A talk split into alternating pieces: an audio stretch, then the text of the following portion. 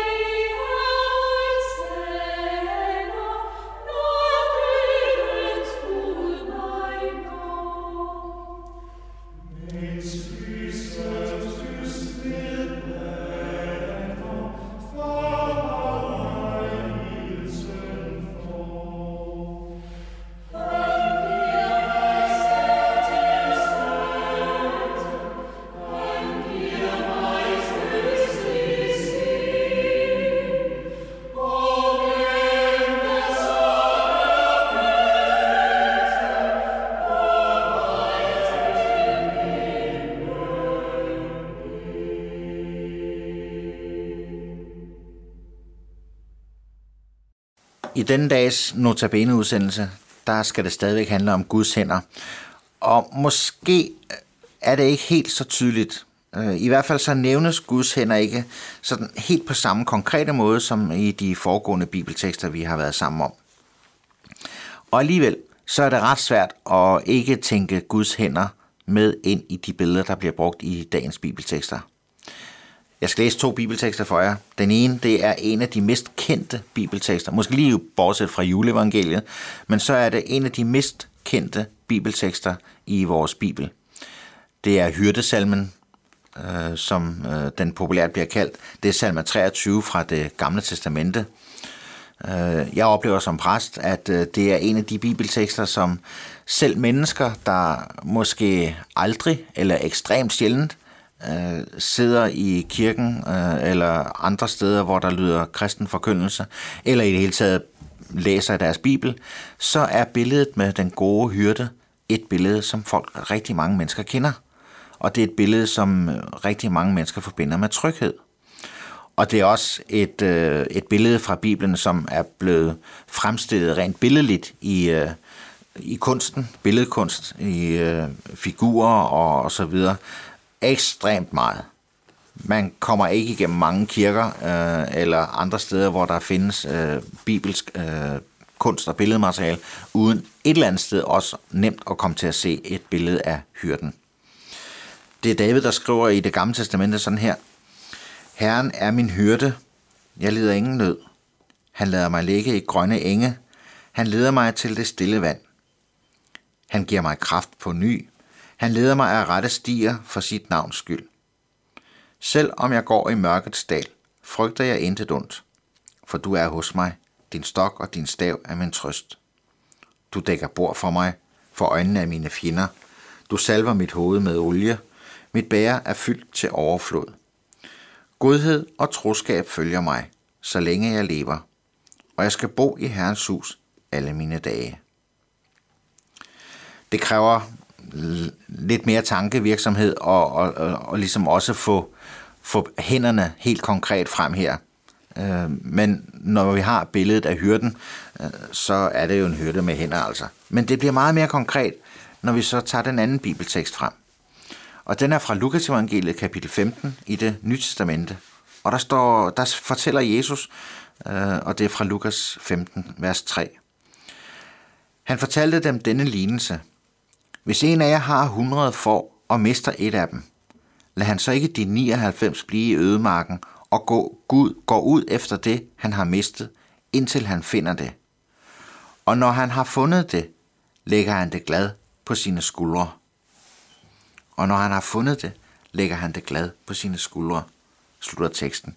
Og det er så her, at selvom det ikke nævnes helt konkret, så er det jo her, at jeg er nødt til at se hyrden, der finder det forvildede får og løfter det op med sine hænder og lægger det på sine skuldre.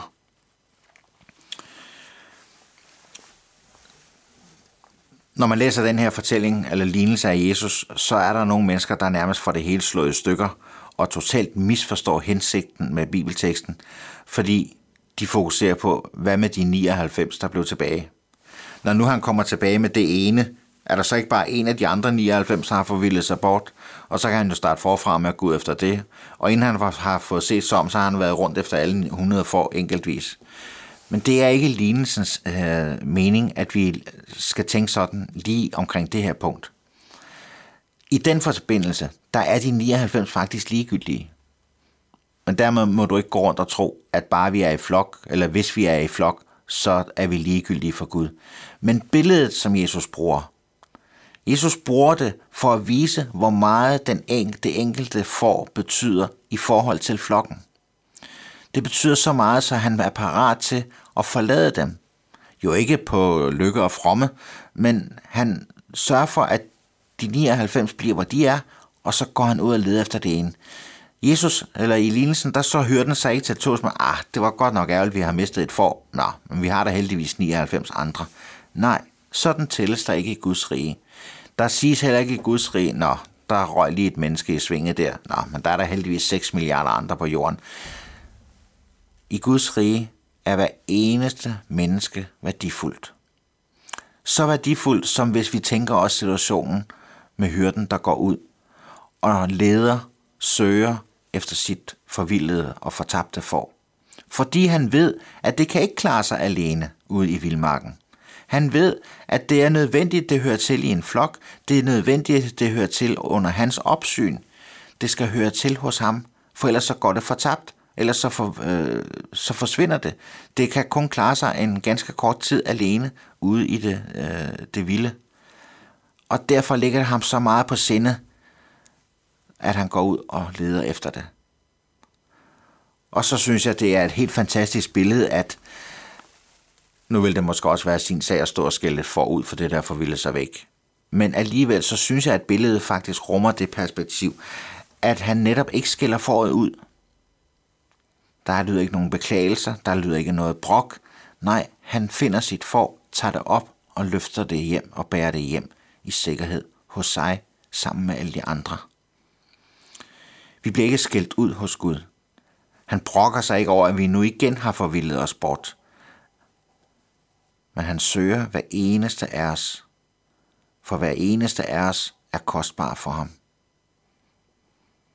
Han er den gode hyrde, der ikke lader noget gå til spil, som han har muligheden for at finde. Heller ikke dig. En hyrde glemmer for dig, som løber på den vilde vej, hvor ulven er at være. Halvfemsins tyver må det, som det kan i åkken gå, det tabte vil han hente. Jeg kommer da min frelsermand, sådan jeg er, sådan jeg kan, bespændt i dødens far.